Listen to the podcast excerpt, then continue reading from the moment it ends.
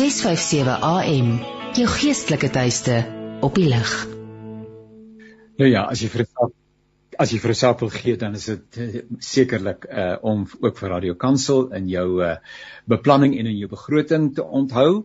Uh dit is ons jaarlikse visiothon en uh die nuus wat ons versprei en wat ons proklameer is die nuus wat ook in jou eie hart neerslag gevind het. Anders sou jy waarskynlik nie ingeskakel gewees het by die programme van Radio Kansel nie.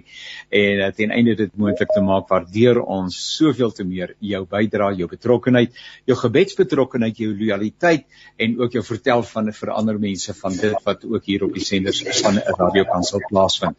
Maar dit is 'n wonderlike voorreg om saam met jou te kuier. Baie baie dankie vir die geleentheid. My naam is Janie Pelser en uh, uh hierdie program se naam is natuurlik Perspektief. Nou dit was heerlik om te luister na die vorige program en die insette wat in daardie program ook na vore getree het en uh, ons bou daarop. Hierdie program se aard is iets wat anders is oor die goed wat in ons leefwêreld gebeur en mensdom, daar is daar baie dinge aan die gang nie waar nie. Dis 'n interessante en dit te mekaar wêreld en dit raak vir ons as Christene want ons is nog nie in die hemel nie.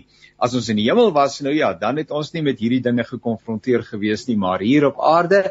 En ons luister na meningsvormers en dan kan ons ons eie gedagtes vorm uh, rondom hierdie sake want daar's tog geen manier wat hierdie sake waaroor ons ook vanoggend gaan gesels nie neerslag vind in jou noue kringetjie wanneer jy 'n braaivleis hou of saamkuier of by die werk met jou kollegas deel op 'n ander ander plekke nie. En uh, dan is dit altyd goed net om jou perspektief ook te kan toets aan die hand van dit wat mense wat op grondvlak hierdie dinge op die hart dra en luister en bestudeer wat hulle dan ook deel. So nogmaals baie dankie. Dis 'n aangename voorreg om saam met te wees. Dankie ook aan Paul wat vir ons die tegniese versorging behartig. Ons uh, het uh, drie gaste wat saam met ons kuier en uh, ons kyk of ons vir hulle tegnies kan uh, op die lug kry. So ek begin by uh, Gert van der Westhuizen, geen onbekende nie, netwerk 24, besige man. Goeiemôre Gert, ek vertrou dit gaan jou baie goed. Goeiemôre Janie, jou vervanging gaan dit beter want ek spiekie op verlof so nou vir my net alles gesteer. Die hele tyd nie. En nou steur ons vir jou in jou verlof, nee. Nee, wat dis dis dis makliker om te praat as jy met verlof is want dit jy glad nie bekommerd oor goed wat jy nie wat jy nog nie gedoen het en wat jy nog moet doen hierna. Inderdaad. So ons is bly dat jy hierdie wel deel van jou agenda gemaak het vir die dag en ons gaan lekker luister en lekker saamgesels. En dan Dr. Loon Kerloos, hy het ook al voorheen by ons saamgekuier. Dis 'n man wat met die strafreg uh bekend is. Dit is sy studieveld, sy uh sy sy veld van spesialiteit uh maar hy is ook op baie ander vlakke betrokke, baie besige man. Uh en ek is dankbaar uh Dr. Llewellyn dat u ook vanoggend ewenigs die tyd kon inruim om saam met ons te kuier. Dankie môre Gert en Jannie, uh dis lekker om met julle te praat. Uh en ek dink Prof Dievenage ook. Ek het hom nou nog nie gesien nie, maar ons verseker vir hom ook nou hallo sê. Uh ja, dis lekker. Ek het nou nie die voorreg van verlof soos uh Gert nie. Maar ek is daarom vandag bietjie meer informeel want ek is nie vandag in die hof nie. Ek kom op 'n goeie dag. Ehm um, Dis 'n bietjie werksadministrasie by die kantoor, maar dis omtrent dit so is 'n goeie dis 'n goeie tyd om uh, met mekaar te gesels. Baie baie baie dankie. En dan uh, professor Andre Dievenage, uh, hy het nogal 'n bietjie uitdagings gehad rondom die tegniese, maar kom ons hoor net, ons sien al 'n skermpie daar. Weet nie of ons 'n stem het nie, prof Andre. Janie, kan jy my hoor? Ons hoor vir die helder en duidelik, helder en duidelik. Ek is nou nog nie op nie, maar jy kan my optel maar ek sê goeiemôre vir Gert, môre vir Louwelen en ons tegniese goed het net nie hier gewerk nie, maar ons het nou gekoppel gekry, so ek is reg as jy my op die skerm kan tel. Nou ja, ons hoor vir jou Prof Andrei, ons hoor vir ehm um, uh vir Dr Llewellyn Kerloos en ons hoor vir uh, Gert uh, van van 'n Westhuizen. Julle het nou al vir mekaar hallo gesê. En Ja, jammer so... Janie, ek wil jou gou hier in die rede val. Ek het my maniere heeltemal vergeet. Ek het vergeet om vir die ander twee môre te sê môre Llewellyn en môre Prof Andrei. Oh, ja. Hallo. Dankie Gert. Prof Andrei is nog daar, né? Nee? Ek is met jou. Hoor. Pragtig, wonderlik. Nou dan kan ons vol stoom voortgaan en ek is so dankbaar vir die geleentheid. Uh, ek wil graag met u so 3 of 4 dinge uh, klank en uh, gelukkig is u die mense wat op grondvlak met hierdie dinge uh, baie nou uh, te doen het. En ek dink een van die interessante dinge wat ons die afgelope tyd uh, beleef het in die afgelope week of wat is die saak rondom meneer Zuma en uh, die uitspraak van die hof dat sy mediese parol waarskynlik nie in orde was nie en ek kyk nou maar na die media ek lees maar die opskrifte en die inleidende paragrawe en so aan uh, julle sal vir ons help en veral uh, ook uh, Dr. Llewellyn wat baie sterk op hierdie uh, uh, traject uh, werk ehm um, rondom uh, die moontlikhede dat meneer Zuma sal teruggaan 'n uh, tronk toe. Dis nou maar wat ek sien. Ehm um, uh, ek wil nie eers praat oor is dit gewens nie maar is dit is dit inderdaad ook die regsimplikasie van die uitspraak van die hof? Kom ons begin derhalwe uh, by jou uh, Dr Luanen en mag ek die voorreg hê om sommer net vir julle almal op eerste naam te sê asseblief. Asseblief. Uh, dan maak dit lekker maklik. En uh, en dan asseblief Gert jy en en en ander julle kom spontaan in. Maar kom ons hoor wat sê Luanen Reg, dankie uh, Jannie. Uh, ek gaan dit so kort as moontlik hou en ek beloof jou ek gaan my nie uh, te veel uitlaat op on, on samehangende dinge en goeders wat ons nog net oor spekuleer nie. Kom ons hou by dit wat ons weet. In die eerste instansie moet ons mekaar reguit sê dat ek dink dit was 'n goeie uitspraak van die Hoogste Hof van Appel. Ehm um, ek is baie gemaklik met die uitspraak. Ek dink dit uh dit tik elke boksie van die regsbeginsels wat toepassing vind. So uh, ek dink dit was 'n goeie uitspraak. Tweedens, dit was 'n eenparige uitspraak. Met ander woorde, ons moet vir mekaar reguit sê dat al vyf regters wat die ding aangehoor het, dieselfde gevoel het oor wat die regsbeginsels in hierdie omstandighede. En ons sien baie keer in die reg dat jy 'n minderheidsuitspraak het en 'n meerderheidsuitspraak, maar in hierdie geval was dit eenparig. Nou goed. Die derde belangrike aspek is dat ehm um, die Hoogste Hof van Appel, kom ons praat van die Appelhof want dit is die in leuke taal wat almal nog daarna verwys. Uh, in Bloemfontein het baie duidelik gemaak dat die hof van eerste instansie met ander woorde die Gautengse afdeling van die Hooggeregshof van Pretoria korrek was in sy interpretasie dat Arthur Fraser die nasionale kommissaris van korrektiewe dienste op daardie stadium nie behoorlik sy diskresie uitgeoefen het nie dat hy onwettig uh onregmatig en teen die grondwet ehm uh, vir Zuma vrygelaat het op mediese parol hy moes dit nie gedoen het nie. Die volgende belangrike aspek is met die uitsluitsel van twee bedes wat destyds in Pretoria gegee is in die Hooggeregshof, het die Hoogste Hof van Appel gesê kan daar geen verdere fout gevind word met die uitspraak nie. Derhalwe is die kostebevel ook so uitgereik teen die appellante dat hulle gesamentlik en afsonderlik moet instaan vir die kostes verbonde aan die verrigtinge in die Hoogste Hof van Appel. Met ander woorde, die kostes is teen die nasionale kommissaris as ook teen Zuma. Hulle moet betaal vir hulle sondes. Die verdere belangrike aspek wat wat daar vore getree het is die feit dat die hof gesê het die regte interpretasie van die wet op korrektiewe dienste is dat wanneer daar 'n parol adviesraad sit daardie aanbeveling eintlik die kommissaris se beginpunt moet wees. Hy mag nie 'n aanbeveling maak wat skreiend teenstrydig is met die van die parol adviesraad se aanbevelings nie, want na alles is hulle tog die deskundiges wat die aanbeveling moet maak.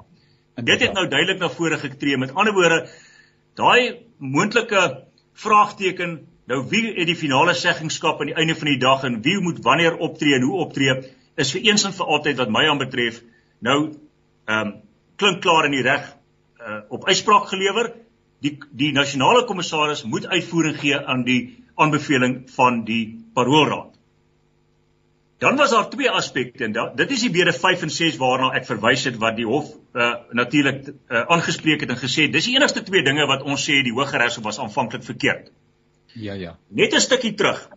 Die aanvanklike saak in die Hooggeregshof het gekulmineer nadat drie aansoeke apart geliaseer is hier min of meer in September 2021 se reg kon onthou of 2020 nadat die DA die ehm um, Afriforum en die Helen Susan uh, uh, Foundation ja. uh, natuurlik aparte aansoeke gerig het teen die uh, bevinding van Arthur Fraser om vir Zuma vry te laat op parol. Dit is toe natuurlik gekonsolideer en van daardie feit dat daar toe nou net een aansoek verder gevoer is. Maar daai twee bedes het die een gegaan oor natuurlik die interpretasie van wat mag gebeur nou dat hy vrygelaat is. Daai 15 maande uh, tronkstraf wat opgelees. Hy het net amper 2 maande uitgesit en toe word hy vrygelaat op mediese parol. Die Hooggeregshof het gesê wat ook al hy daarna buitekant uitgeoefen het uit die tronk, kan nie in ag geneem word vir doeleindes van sy parol nie. Dit is wat die Hooggeregshof gesê het. Die Appelhof het het gesê nee nee nee, dis 'n verkeerde interpretasie. Ehm um, seker sekerlik moet dit 'n rol speel en een van die faktore wees wat die kommissaris uiteindelik in ag moet neem wanneer hy die finale ehm um, goedkeuring moet gee vir mediese parol. Die hof het terselfdertyd gesê die die hof self as regsprekende gesag kan nie die uitvoerende gesag voorsê wat om te doen nie. Derhalwe sou dit verkeerd wees vir die Hooggeregshof om te sê uh wie ook al die nuwe kommissaris is, mag nie daardie tydperk wat hy buite kan die tronk uitgeoefen het as deel van sy uh, parool in ag neem nie. Dit sou verkeerd wees want dan beteken dit die regsprekende gesag oors, oorskry hulle magte deur op die uitvoerende gesag se tone te trap. Ja. En dan laaste aspek is die BD6 waarna ek verwys het wat gegaan het oor die interpretasie van artikel 8.1 en 2 van PAJA, die sogenaamde Promotion of Access to Justice Act.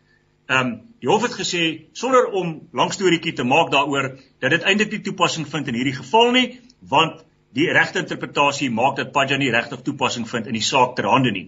Ehm um, maar net vir die die die luisteraars wat nie weet nie, uh Padja maak voorsiening daarvoor dat wanneer 'n hof uh dit nodig ag, kan hy sê in sy diskresie remedies daarstel wat die aanvanklike onbillike en onregverdige die sogenaamde injustice waarna die wet verwys tersyde stel en vervang met sy eie bevel wat hy goed dink in die omstandighede.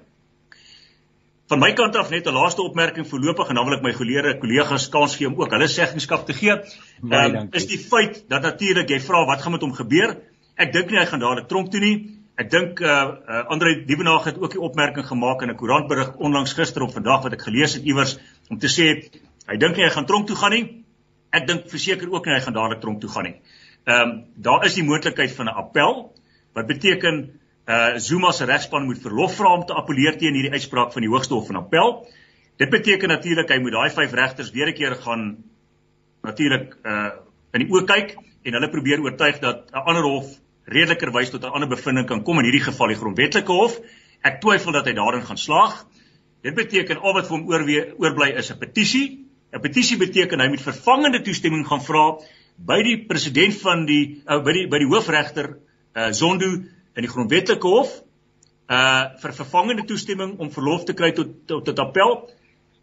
As hy nie suksesvol is nie, wel dan is dit die einde van die storie. Dan moet hy tronk toe gaan teruggaan eskort toe en dan hoop dat die paroolraad baie vinnige aanbeveling maak wat sê hy moet nou parool op mediese parool of ander parool vrygelaat word in watter geval die nuwe kommissaris dan die finale seggenskap het een kant toe of ander kant toe. Slaag hy wel met die petisie, met ander woorde dat hy toegelaat word om deur die grondwetlike hof aangehoor te word, dan beteken dit uh en dit gaan in kamers plaasvind deur twee of drie regters wat hopelik nie sonde homself sal wees nie want ek dink hy's so bietjie uh gekompromiteer die feit dat hy op 'n stadium self betrokke was in die Zuma debakel.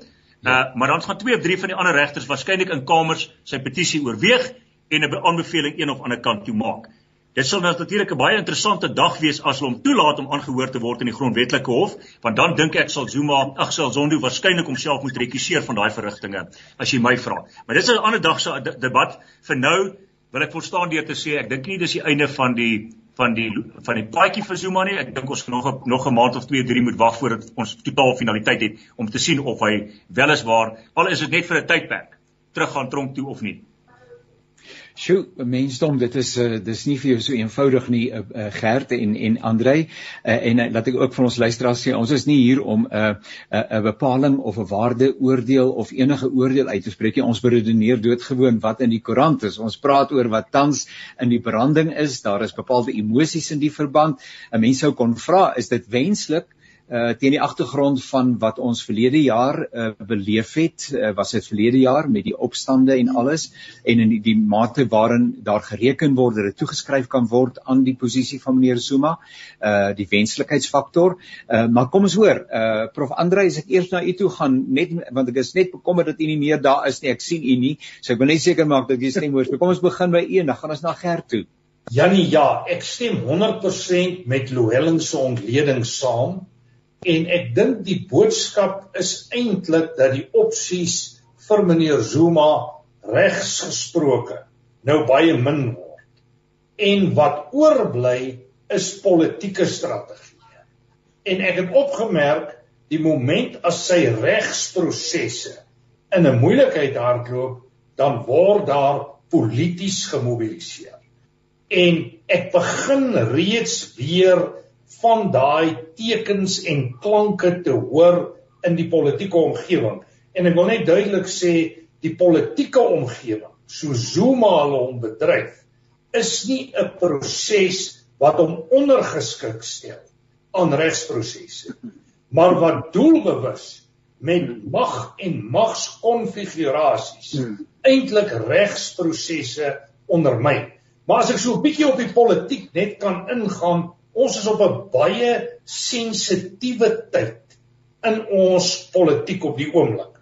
Ons is weke voor die nasionale konferensie. Ja, ja. Uh ons sien die tekens ten minste op die oppervlak dat Ramaphosa lyk of hy die meeste genomineerdes agter hom het, Mkhize wat minder het, maar ons weet ook van Pala Pala wat hangend is. Ons ja. weet van digital wipes. So daar is ook nog regsprosesse aan die gang. Die punt is hier is 'n stuk onsekerheid. En ons weet hierdie hofsaak oor die mediese parol is eintlik 'n klein aspek of 'n tegniese aspek van 'n baie groter korrupsiesaak wat eintlik aanhaak op die Zondo-kommissie van ondersoek en so meer en dit koppel weer terug na die totale politieke omgewing en dit sal baie interessant wees om te sien hoe die uitspeel van die Zuma saak en wat nou in die komende weke kan en gaan gebeur hoe dit gaan impakteer op politieke prosesse binne die ANC en miskien in besonder in KwaZulu-Natal. Dan wil ek net vinnig 'n tweede punt maak. En ek weet ons gaan daaroor praat, maar op 'n vreemde manier koppel hierdie goed nou na mekaar toe. En dis die vrylating van Janus Wallus wat bloot per toeval op dieselfde tyd deurgekom het as die parol uh versoek van uh Jacob Zuma En die kort en die lank is en dit is die persepsies in sekere omgewings in die politiek dat die regering en nou word Ramaphosa beskuldig, nie die regsprosesse, die appelhof of die regters of wie ook al nie.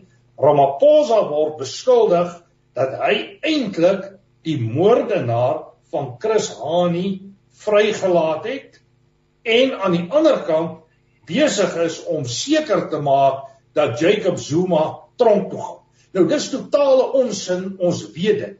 Maar nou weet ek ook jou politieke omgewing funksioneer met persepsies. En daar's klaar groepe wat probeer kapitaliseer op hierdie vreemde sameloop van omstandighede. En ek het al gesien dat groot politieke prosesse soms bepaal kan word deur vreemde klein samelope van omstandighede. En ek praat nou polities. Ek probeer nou nie regsprosesse hier analiseer nie. Ek dink die besluit oor Zuma was absoluut die regte besluit. En ek dink die besluit oor Janus Wallus moes eintlik al 10 jaar gelede gewees het dat hy eintlik sy parol gekry het in terme van gedrag en 'n klomp ander redes. Maar ek dink dit is interessant om hierdie sameloop te identifiseer en beide het ter sprake gekom 2005. Die parol en die regsondersoeke teen Zuma het begin in 2005. Sjoe, uh, professor baie baie dankie en ek besef net en dit is 'n opmerking wat meer van u al in die verlede gemaak het dat jy nie van dag tot dag, jy kan nie vandag sê môre gaan dinge so uitspeel nie. Uh want in Suid-Afrika gebeur dinge op 'n daaglikse basis. En uh juis uh, en ons miskien nou net daarby uitkom met die uh, leierskapsverkiesing aan die einde van die jaar, dis 'n baie sensitiewe tyd maar uh, van dag tot dag gebeur daar dinge wat byvoorbeeld die posisie van meneer Ramaphosa as ons dan nou vir hom kan noem as die oënskynlike gunsteling om die aangewys te word as die leier van die ANC maar maar jy kan jy kan nie sê uh, tot nadat die stem uh, gerd totdat die ouens gestem het by daai geleentheid en dit genotuleer is eers daai oomblik uh, uh, en dit is hier rondom die 15 16 17de uh, Desember as ek dit reg het. Tot dan toe is dit uh, is dit 'n oop veld. En speel dan en dan en, en dan kom Paula Paula ook nog ek, ek, ek kollega van my het nou net gesê ons leef daarom in interessante tye en is goed so maar sy wens daarom ons kan nou ook 'n bietjie vir 'n slag bietjie vervelige tye binne gaan dat ons net 'n bietjie kan asem skep. Jy weet maar die ontledings wat wat ons nou gehoor het van Louwelen en Prof. Andre ek stem ook met albei staan ek stem saam met albei die uitsprake wat uh, Louwelen gesê dit wys jou net hoekom ek hom altyd moet bel as ek 'n storie doen oor die reg want hy weet presies wat aangaan en ek praat heeltemal as 'n leek wat die reg betref maar ek dink hierdie was 'n was 'n oorwinning vir ons konstitusionele demokrasie was dit nie Louwelen want daar was vroeër sprake gewees albei uitsprake nou want toe Vryger destyds Zuma vrygelaat is toe staan mense wat gesê het kyk hier word die politiek nou baie belangriker as die reg of die wet geag en daai proses is nou heeltemal omgekeer. 'n mens hoef nie daarmee saam te stem nie 'n mens hoef nie daarvan te hou nie maar jy lê jou neer by die wet Jy moet jou neerlê by die wet. As jy jou nie neerlê by die wet nie, gaan daar 'n groot groot probleem wees. En ongelukkig, soos professor Andrei nou tereg uitgewys het, laas toe ek en hy saam hier was, het ons ook gekyk na die drie oud presidente wat toevallig op een naweek kritiek teen Cyril Ramaphosa uitgespreek het. Nou is dit weer twee goed wat toevallig gebeur. Nou sê mense, sien julle kyk, daar word nou weer saamgewerk om ons te ondergrawe. Maar dit is nie so nie. Die goed gebeur net toevallig en ongelukkig as Suid-Afrikaners en party politici is baie lief vir samesweringsteorieë en hulle gaan hierdie ding ry tot hy nie meer gery kan word nie. Julius Malema sal sommer albei ry. Hy gaan sommer albei ry, maar die ja. die belangrike hier vir my is is regtig dat daar 'n oorwinning behaal is. Die ander ding wat vir my nogal uitstaan, ek weet nie hoe ver ek reg gestaan nie. Jacob Zuma is is benoem deur 'n tak as nasionale voorsitter en Nkosazana Dlamini is deur haar tak benoem as uh, leier vir die leierskapsposisie van die president. Nie een van hulle het eers gekom nie. Is dit nie 'n teken dat die mense ook wys kyk ons is nou 'n bietjie moeg vir die Zuma klan nie. Kom ons vat nou 'n bietjie 'n breek van die Zuma mense. Kom ons kyk bietjie na ander mense se slag. Jy weet van Zuma, dink ek het gedink hy gaan nou weer lekker steen kry na hy nou sy paroolvoorwaardes gestryk is nadat hy daai perskonferensie gehou het waar daai belaglike dinge kwyt geraak het. Jy weet waar mense hom begin hy het gedink mense gaan hom nou in baie wyd begin steen en dat hy weer sy stem dik sal kan laat maak in Suid-Afrikaanse politiek. En dit lyk nou nie vir my of dit nou die geval gaan wees nie. Ek meen dink 'n mens raak 'n bietjie versadig uh, Llewellyn uh, en en daarmee wil ek nie die gesprek uh, en en julle reaksie op mekaar nou smoor nie, maar 'n uh, uh, ander gesprek waarvoor 'n ou net heeltemal van 'n ou heeltemal versadig is is byvoorbeeld die rondom die openbare beskermer. Dit kry net nooit ooit ooit klaar nie. En 'n mens het tog 'n uh, gevoel dat jy net wil aanbeweeg en ek dink uh, baie uh, mense in Suid-Afrika doodgewone burgers sê is daar nie iets anders om oor te praat nie. Maar nou wat nou saamhang met dit alles en ander het daarbey uh, aangesluit is die uh, die die die parool van uh, Janus Wallus en uh, die ongelooflike uh, emosie wat daar rondom hierdie saak is aan die een kant uh uh die voormalige Chris Hani se dan of dan uh Chris Hani se familie in die swaar kry uh, waarmee hulle dan nou nie gekonfronteer word. Een of twee van die koerante wat ek gister gesien het het gesê um bloody murderer uh het hulle vir hom beskrywe en ek ek weer nie weer 'n waarde oor nie. Ek sê maar net die ontsettende emosie en dan die help net vinnig net kan die man se naam nou nie dadelik herroep nie. Uh die die die die Gautengse premier uh wat gesê het maar die reg het hier verkeerd geïnterpreteer en ewenigs eintlik kant gekies teen die uitspraak van die hof. Ehm um, help vir ons asseblief. Uh Prof Andre wat sê maar die ding moes nou al lank al afgehandel gewees het. Dit is iets wat lewendig gehou word met 'n ander agenda. Ehm um, asseblief Llewellyn Een sê gaan dit so kort maak as moontlik. Niks in die niks in die reg is eintlik kort. Kortstondig maar ja. ek ek ek probeer dit so eenvoudig as moontlik uh, stel. Ek stem 100% saam met Andre se opmerking dat dit hoogtyd is dat hierdie parool aansoek van uh Janus Wallus goedgekeur moes gewees het en deur die hof bevestig moes word om die waarheid te sê, hy praat van 10 jaar. Ek dink die korrekte interpretasie is mens na die streng wetterlik uh, interpretasie gaan kyk is eintlik al 15 jaar gelede. Hy het hordes van hierdie aansoeke van stapel gestuur en vir een of ander rede en dit kan net politiek wees, was dit altyd van die hand gewys vir watter redes ook al. Die lang en die kort daarvan is appels moet met appels vergelyk word en almal is gelyk voor die reg. Met ander woorde of jy nou 'n voorstander was van apartheid en of jy nou 'n voorstander was van uh of dit daarteen was van die begin af. Die feit van die saak bestaan is almal moordenaars ingesluit ingesluit moet gelyk hanteer word wanneer dit kom by die reg. Die grondwet is nie daar net vir sekere persone nie verander nie. Dit dit dit moet deur die bank toegepas word.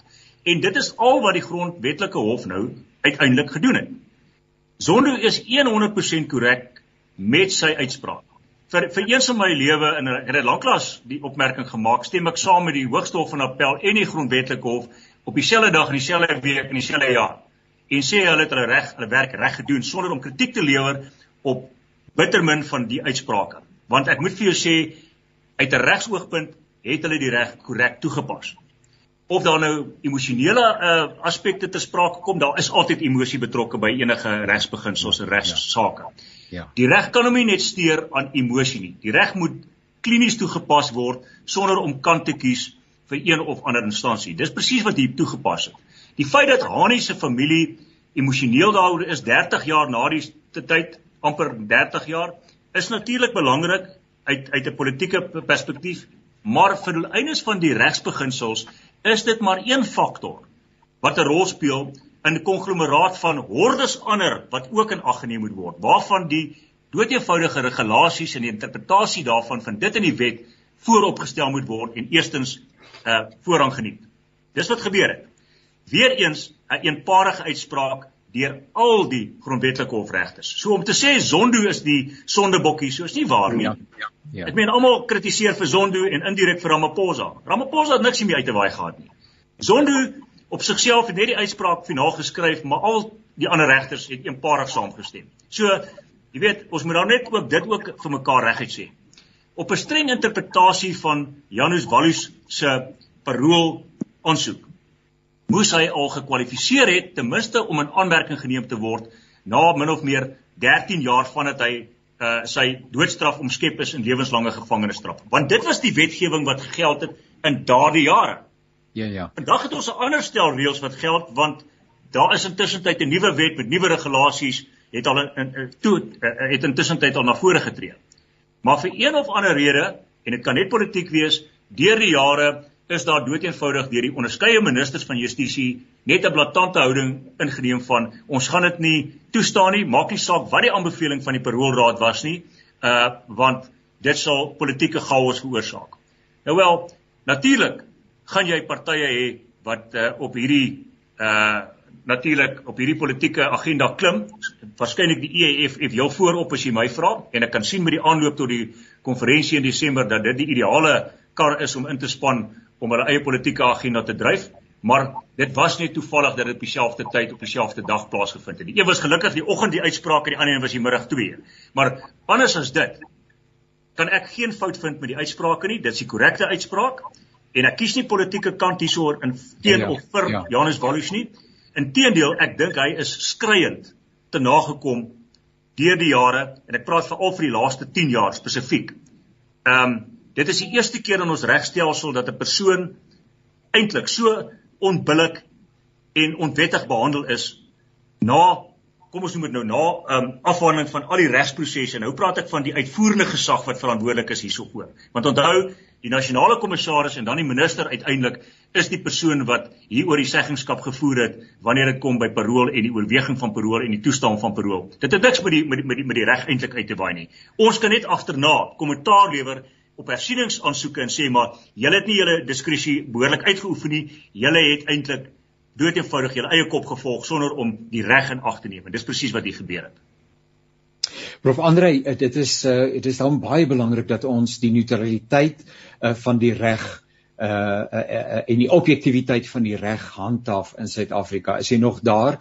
Want ja, uh, mense hulle self deur emosies laat lei en daar is soveel emosies rondom al hierdie sake.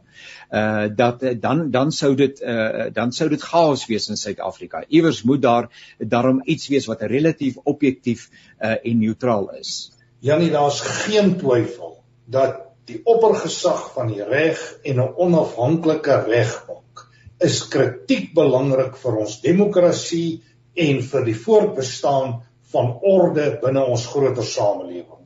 En as dit ondermyn word en ek is bevrees dit word op talle vlakke ondermyn, is dit 'n slegte dag vir ons staat en vir ons samelewing. Maar Louwelen is reg, hierdie twee uitsprake is goeie uitsprake wat die konstitusionele hof en die regstelsel goed doen. Maar ek wil tog 'n fase van hierdie proses 'n bietjie uitlig. en dit is vir my 'n baie belangrike aspek en ek wil duidelik sê ek het geen ek uh uh Loos ag nee Loos nie uh, Janus Wallus het definitief oortree en daar moes opgetree en gehandel word. Ek het geen kwessie daaroor nie. Maar kom ons kyk 'n bietjie na die proses. Dit het plaasgevind in 'n tyd toe die doodstraf gegeld het. 93. En hy moes na alle waarskynlikheid ter dood veroordeel gewees het. Toe verander hulle die wetgewing. En een van die redes was talle ANC-lede was ook skuldig en het ook doodstraf gekry en talle ANC leiers en dit het ingesluit Mbeki, Zuma en so meer is verbind aan moorde. Onder meer was Robert McBride ook in die moeilikheid as gevolg van die Magoo Bar bom en toe hardloop hierdie hele goed waarheids- en versoeningskommissie toe. En omtrent al die ANC ouens kry vrystelling, maar Janus Wallus se moord tel toe nie as 'n politieke moord Dit word op ander gronde beoordeel. En na my oordeel was dit 'n suiwer voorbeeld van 'n politieke moord wat gepleeg is. En toe op grond van dit, toe kry hy lewenslank. En soos Louwelen tereg sê, na 13 jaar, dit was omstreeks 2005, toe kon hy aanspraak maak op parol en dis letterlik vir hom weggehou van 2005 tot waar ons nou staan. En vir my is dit 'n baie baie groot onreg wat gepleeg is as jy dit vergelyk met vergelykbare misdade, maar ook binne die raamwerk van die toepassing van daai misdaad via korrektiewe dienste. En ek dink daarin lees ek 'n groot stuk politiek. Maar nou vir die stukkie conspiracy of samesweringsteorie wat agter hierdie saak lê. En ek moet sê daaroor het mens nie bewyse maar komende van talle van my swart studente en van hulle het baie senior posisies in die ANC gehad daai tyd en het dit steeds vandag. Hulle argument is dat wat ons gesien het van die Chris Hani moord is wat op die oppervlak gebeur het. Hier lê veel dieper politieke kragte En die vrees van die ANC is dat daardie kragte en magte geïdentifiseer en blootgelê gaan word. Jy sal onthou dat Clive Darby Lewis letterlik op sy sterfbed uitgedra is uit die tronk en hy het 'n week of 2 gelewe en toe is hy oorlede. Dit sal interessant wees of daar nou meer oor hierdie saak gaan uitkom en of dit bloot net bespiegeling is maar ek moet sê ek dink beide die Zuma en die Walus aangeleentheid gaan nog Zuma een baie groter gaan nog vir 'n tyd gewig en momentum dra in ons politieke omgewing. My advies aan Walus sou wees speel laag, tree uit hierdie geveg en probeer skep en herskep van jou lewe vir die gedeelte wat oor is. Maar ek weet die militêre strateeg Martin van Kreeveld het gesê jy kan die oorlog ignoreer, maar die oorlog ignoreer jou nie altyd nie. So ek dink Walus staan voor 'n paar uitdagings. Ja, inderdaad, het Trotsky dit ook gesê nee, jy kan jy kan wil weggaan van oorlog of met die oorlog gaan jou byvolg, maar dit is baie belangrike punte wat hier gemaak word en ek dink die eerste een van die redes hoekom Janusz Wallus en Clive Darby Loos nie amnestie gekry het vir by die Waarheid en Versoeningskommissie is omdat daar gevoel is dat hulle nie met die hele sak patats vorendag gekom het nie. Daar's 'n baie groot gevoel in die ANC soos Prof Andrei tereg opmerk dat die hele waarheid nie uitgekom het nie, maar dis nou tersyde gestel. Dis nou kom ons laat dit eers 'n bietjie daar. Ek dink net wat wat hierdie hierdie vir ons leer nie. Is baie belangrik dat die die oppergesag van die reg het die twee belangrike seëges behaal. Ek dink dit wys vir jou dat die oppergesag van die reg in 'n groot mate nog baie gesond is. Dit wys ook vir jou op die kaliber van sekere van ons regters dink ek. Want ek dink daar moet geweldige druk op sulke mense wees en dit is maklik vir ons om te sê jy moet jou nie deur druk van buite laat beïnvloed nie, maar onthou regters is ook net mense nie wat ja, ook ja. in 'n samelewing lewe en wat hulle hier gedoen het is besonder dapper. Want hulle Hulle het vir Zuma gesê Zuma moet tronk toe gaan wel wetende dat dit weer tot onluste kan lei. En soos ja. Llewellyn sal dalk hierso vir, vir mense meer kan vertel, die reg moet hom nie aan sulke goed steur nie. Die reg gaan net oor die reg self. Jy weet jy kan nie sê okay ons Zuma kom ons los hom nou maar nie want net nou val iemand nou weer daar 'n plek aan of kom ons hou maar vir vir Janus Wallis agter tralies want dit gaan baie mense omkrap, jy weet, ons moet dit dalk nie doen nie. Jy weet en, en dit wys vir my net na die kaliber van die regters dat hulle dat deur geen buite-invloed hulle beïnvloed het nie. Soos Prof Andre tereg gesê het, dis geweldig belangrik vir Suid-Afrika. Want dis mense die Zimbabwe geval gevolge daar in die vroeë 2000s. Alles het nog oral gegaan in 'n mate met die grondbesettings en al, maar toe die regstelsel heeltemal deur die regering ondermyn is en toe die regters basies gedoen het wat die regering wil gehad het, hulle moes doen. Toe die hele toe die hele stelsel daar mekaar geval. So dis baie belangrik vir ons dat die oppergesag van die reg bly geld. Jy weet en ek dink mense verstaan mevrou Hani se se woede, maar net so is daar baie ander mense in die land wie se geliefdes vermoor is.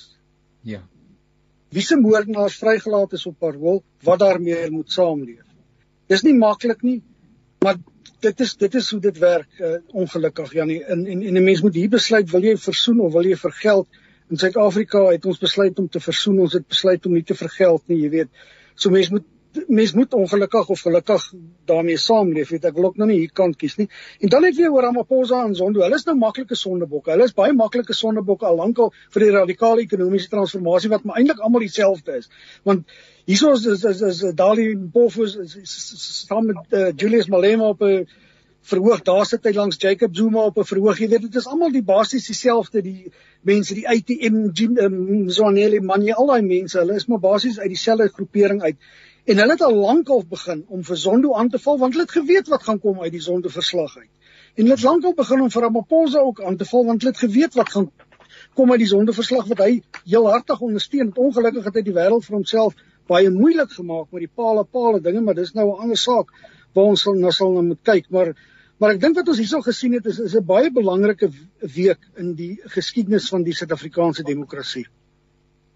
Kan ek dalk uh, en en en mesdom daar so baie goed goed waaroor ek wil gesels uh, en ek moet nou kieskeurig wees uh, en selektief wees maar maar het, het nou net uh, Gert jy het nou net die woord pale gebruik en dit het nou net by my opgekom maar dis 'n ander saak ehm um, ehm um, Llewellyn wat nie afgehandel is nie uh en en wat ewenigs nog weer kan inspel op die ehm um, proses wat aan die einde van die jaar moet plaasvind. Net nis die digital vibes ook nie.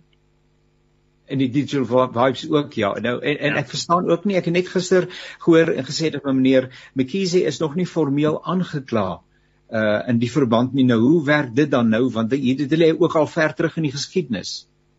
Ja, ek kan myself uh goed indink dat Ramaphosa op hierdie stadium, jy weet soos 'n kat op 'n warm plaas is. Uh miskien goed dat hy besluit het om uh Suid-Afrika tydelik te verlaat en ten minste te gaan waar die liggies nog brand uh en vir uh, ons nuwe koning te gaan kuier. Ja. Ehm um, want uh ek ek dink nie dis 'n lekker tyd om nou deur te gaan nie, veral gesien in die lig van die uitsprake van die twee hofsaake wat ons sopas genoem het en hy wat die as die sondeboek sondebok uitgekry word letterlik terwyl hy eintlik niks daarmee te doen gehad het op sigself nie. Maar tereg, ek dink die Pala Pala aangeleentheid ehm um, gaan 'n uh, definitiewe uh kom die Engelse praat van 'n dealbreaker wees. Want dit beteken daar gaan dit dit gaan bepalend wees of hy weer eens ons leier en ons president gaan wees vir die volgende afsienbare tydperk of nie. Nou die beste van my kennis, soos wat ek vanmôre iewers opgetel het, het hy 'n oorweldigende meerderheid stem gekry ten gunste van hom op alle vlakke in Suid-Afrika. So hy is die gunsteling definitief om weer ons president te wees in die toekoms. En die enigste manier hoe hulle hom kan keer, ehm um, al is dit dan nou net tydelik of dalk semi-permanent, is indien daardie iets kom van die Pala Pala uh uh ondersoek. En dit beteken hy moet dan aangekla word want ek dink dit sou die op sy staan reël van die ANC dan natuurlik in werking stel. Wat beteken hy gaan dan uh moet staan en val by sy eie uh by sy eie beginsel wat hy geïmplementeer het, naamlik hierdie op sy staan reël. Waarvan ja. ander miskien baie meer weet as ek. Die lang en die kort daarvan is egter hy is nog nie skuldig bevind aan enigiets nie. Hy is nog nie aangekla van enigiets nie. En goed vir hom het die 189 komitee wat dit moet ondersoek onlangs gevra vir 'n uh, verdere uitstel tot vroeg in Desember lyk dit vir my uh om dan nou finaliteit te gee oor hulle aanbeveling en hulle ondersoek. Nou dit help hom natuurlik want elke dag wat verbygaan beteken ons 'n stappie nader aan daardie konferensie en tot die besluitnemingsproses wat daar gaan plaasvind. Ek wonder wat gaan gebeur. Sou hy weer eens verkies word en daar kom 'n uitspraak of dan nou van die 189 komitee of dan van een die spesiale ondersoekeenheid van die polisie op wie ook al vroeg in Januarie Februarie volgende jaar wat sê ons moet jou nou aankla van iets en dat daar 'n misdaad potensieel gepleeg was deur Zuma. Moet ek vir jou sê dink ek ehm um, is is redelik moontlik waar.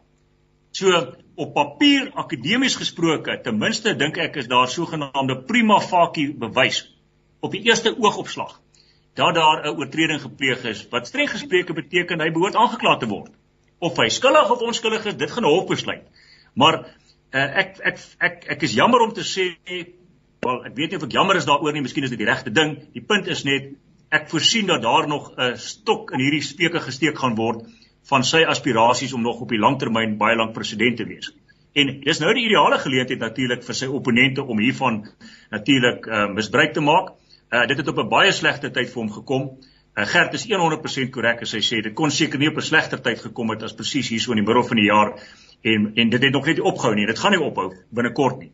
So dit is maar my sentimente. Uh ek ek wil nie daaroor uitlaat nie. Daar was op 'n stadium was ek amper deel van hierdie komitee vir ondersoek vir die 189 komitee. Maar gelukkig het ons uh, speaker toe besluit klaar blyklik uh, um, doen ek die regte dinge wil ek die regte besluite maak so ek is toe nou nie gekies om genader om op die paneel te dien uiteindelik nie. Maar ek sê nie daardeur dat die huidiges wat daar sit nou nie nou nie daai kaliber is nie. Hulle is baie baie senior regslei en ek het alle vertroue dat hulle die regte besluit gaan maak. Maar uh, ja so dit is maar my my my my gevoel. Prof. Andre, uh, een van die uh slegte dinge dink ek in Suid-Afrika is dat 'n mens ehm um, jou vertrekpunt is wantroue dis hoe jy as 'n kiezer en as 'n burger na die samelewing kyk en na die politieke sfeer in die besonder. So as 'n mens nou dink aan die hele saak rondom Palapala, dan wonder mense ook al ook eh, dit is nou al geruime tyd wat daar uh, die ding tot 'n punt moet kom, maar dit kom nie tot 'n punt nie. So word dit met ander woorde uh, iets wat uitgereg ter wille van die verkiesing wat kom. Uh jy weet so so of of of is dit nou maar net dat die proses neem tyd en 'n mens moet nou maar net uh uh die goed gebeur nie alles op die regte tyd nie. Jannie, ja, ek dink as mense nou praat van die Stalingrad strategie en jy kyk wie's die meesters van die Stalingrad strategie, dan kom jy uit by Ismagashule en Jacob Zuma en miskien nog so een of twee ander.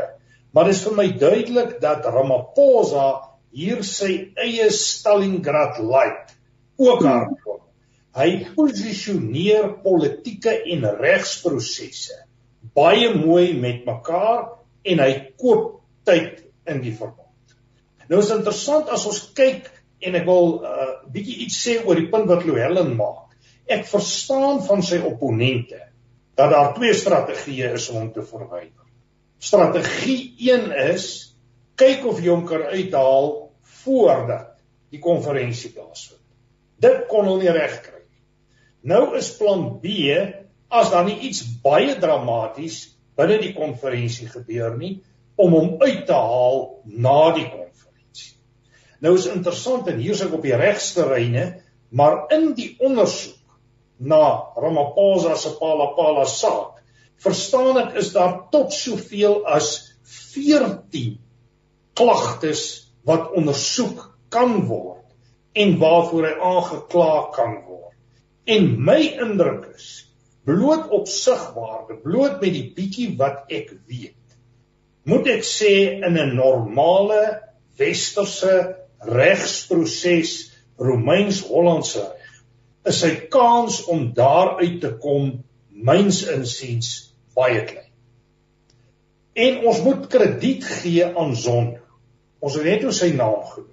Maar ek dink in die ou bedeling sou mense kon sê verdapperheid kan jy vir hom 'n honoris crux gee want ek moet regtig sê hy staan by sy uitsprake hmm. binne die kommissie hy neem besluite na alle kante toe maar nou wil ek terugkom op 'n taktiese vlak binne die nominasieproses wat baie interessant is ons sit hier met uh Ramaphosa hy sit met net meer as 2000 uh nominasies vir president en dan sit jy met Zweli Mkhize, hy dink dit 916. Dan baie interessant op die adjunk presidentsvlak is die ja. ou wat heel bo uitkom Paul Mashatile. En ek wil nou die voorstelling maak hou Paul Mashatile dop. As enige iets verkeerd gaan tydens die konferensie, dan gaan die waarskynlike ou wees wat kan deurkom kan Mashatile wees. Hmm. En hy behoort met sy steun as adjunk president behoort hy 'n 25% van die 4200 lede te kan mobiliseer van die vloer af. So ek lees Mashatile op die oomblik as die interessante figuur. Hy plaas hom strategies dat as Ramaphosa wen en deurgaan, dan word hy die adjunk president. Maar as Ramaphosa in die moeilikheid raak en hy kan in die moeilikheid raak. Daar kan 'n liegstem wees binne die ANC. 'n Partytjie van 'n paar dae met 'n klomp geld en 'n klomp ander goed kan partykeer die uitslaa dramaties in 'n rigting beïnvloed. En ek wil dit glad nie uh sê dat alles reeds in kanne en kruike is. Die dinge kan verkeerd loop, maar dan sal 'n uh, Paul Mashatile die ou wees wat ek glo in die binnebaan is en nie Zweli Mkhize. Dan 'n ander interessante een wat uit die nominasies kom, is dat Gwedi Mantashe is nie die nommer 1 genomineerde vir voorsitter nie, maar ek het dit Stan Matabata van Limpopo. En dit sê ook vir my iets in die proses.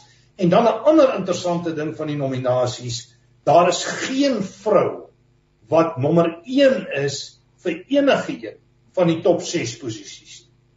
En dit sê vir ons 'n paar interessante dinge oor die ANC politiek. As jy die ANC leierskap hoor, dan is hulle besig met die stryd teen vrouens en kinders en dit en dat. Maar die vroue binne die organisasie het nie genoeg vertroue in die bestaande vroue om hulle te nomineer uh, in meerderheidsterme vir enige een van daai poste. Een wat die beste gedoen het is Phoebe Potgieter en ek dink sy het 700 en iets stemme gekry vir die posisie van adjunk sekretaris-generaal die Jessie Duarte pos. So die vroue ding is nie baie sterk nie. Ek weet die vroue liga is baie gedisorganiseer. Maar dit gaan interessant wees hoe hierdie proses loop, maar ek ek tel die boodskappe op dat die lang messe steeds uit is vir Ramaphosa en voor of na die konferensie gaan hulle met hom werk. Ek het ook opgetel hier's gerugte van ander klagtes wat teen hom mag kom en vir een ou moet ons baie versigtig wees. En dis die agbare Averfryser. Hy doen dinge met fyn berekening, hy doen dinge met hoë impak En in die politiek word daar dikwels gesê moet nooit 'n vyand maak van jou voormalige veiligheidshoof. Hulle weet te veel van te veel binnewerkinge op te veel plekke en Alfred Fraser is geïmpliseer. Nou uh, daarmee het ons bykans aan die einde gekom so en dit is so lekker om te gesels en te kuier. So ehm um, uh, Pieter, uh, Gert, ekskuus tog Gert, eh, 'n uh, laaste minuut en 'n half van jou kant af dat ek net jou stem wil weer hoor uh, en uh, dan moet ons totsiens. Nee, ek stem nogal saam met uh, Prof Andrei oor hierdie ene van die vroue. Dit sal nogal natuurlik baie interessante besprekingspunt wees. Ek dink net Nomvula Mokonyane het, het die beste gedoen daar by Adjunke sekretaris-generaal. Hy het oor 1700 stemme gekry. Ja, maar sy is natuurlik ook een wat diep betrek word by korrupsie en iemand wat duidelik ook nie in die Cyril Ramaphosa kamp is nie. Daar's baie stories oor haar Bosasa gewees dat sy sommer baie gratis partytjie vir partytjies baie gratis drank en vleis gekry het en dan nog 'n bedrag per maand ook. So dit sal interessant wees om te sien wat daar gebeur en dan het Paul Mashatile natuurlik baie tyd gehad om hom baie diep in die ANC in te grawe as in sy tyd as waarnemende sekretaris-generaal want hy's Magashule was omtrent nooit sekretaris-generaal sedert hy verkies is 5 jaar gelede nie. En dis 'n baie belangrike pos in die ANC en en, en ek dink Pashatile het baie goed van die geleentheid gebruik gemaak om hom baie diep in die ANC in te grawe en ek dink hy's beslis iemand wat opgehou moet word. Gert van der Westhuizen, Louwelen Kerloos en uh, Andre Dievenage uh, kollegas, uh, so baie baie dankie vir die saamgesels. Uh, opregte waardering mag julle baie aangename dag hê en ek het net 'n vermoede dat nie vir een van u drie daar in die volgende nou ja afsienbare tyd tot ten minste seker na uh, hierdie konferensie daar noemenswaardige rus gaan wees nie want die media gaan gedurig deur op die knoppies druk om te hoor hoe moet hulle uh, gebeure en verwikkelinge nou interpreteer. So uh, Gert, jy moet maar uh, so tussendeur vakansie hou, lyk dit vir my. Die res van ons sal sal besig bly. Uh baie baie dankie Prof Gert. Dis 'n groot plesier Janie, baie dankie. Baie dankie Dr. Louwelen. Dankie, julle het 'n lekker dag hê almal. Ek dit was lekker om met julle te gesels. Baie dankie professor Andrei. Dankie Jannie, dankie kollegas. En baie baie seën vir u. En nou daarmee saam, baie baie dankie liewe luisteraar. Ons het lekker saam gekuier. Paul, dankie vir die tegniese versorging. Ek noem net weer 'n keer dat die idees en menings wat uitgespreek word inderdaad die van die deelnemers is sodat ek en jy wat mense is wat dink en wonder en worstel en praat en vra en toets ons eie gedagtes dit ook in eie kring uh, met ander mense kan deurpraat en dan uiteindelik 'n standpunt kan inneem want wat is 'n mens sonder 'n standpunt dan nou? Uh, dit is tog nou nie hoe ons funksioneer nie. Ook as Christene is ons nie mense sonder ruggraat nie. Ons het 'n mening en ons mag dit uitspreek. En uh, neem asseblief die vermoedigheid om deel te word van die openbare gesprek. Uh, dit is ons land Suid-Afrika en ons dra die belange van hierdie land ook in ons gebede op die hart. So tot 'n volgende keer, pas jouself mooi op en alles wat mooi is. Totsiens.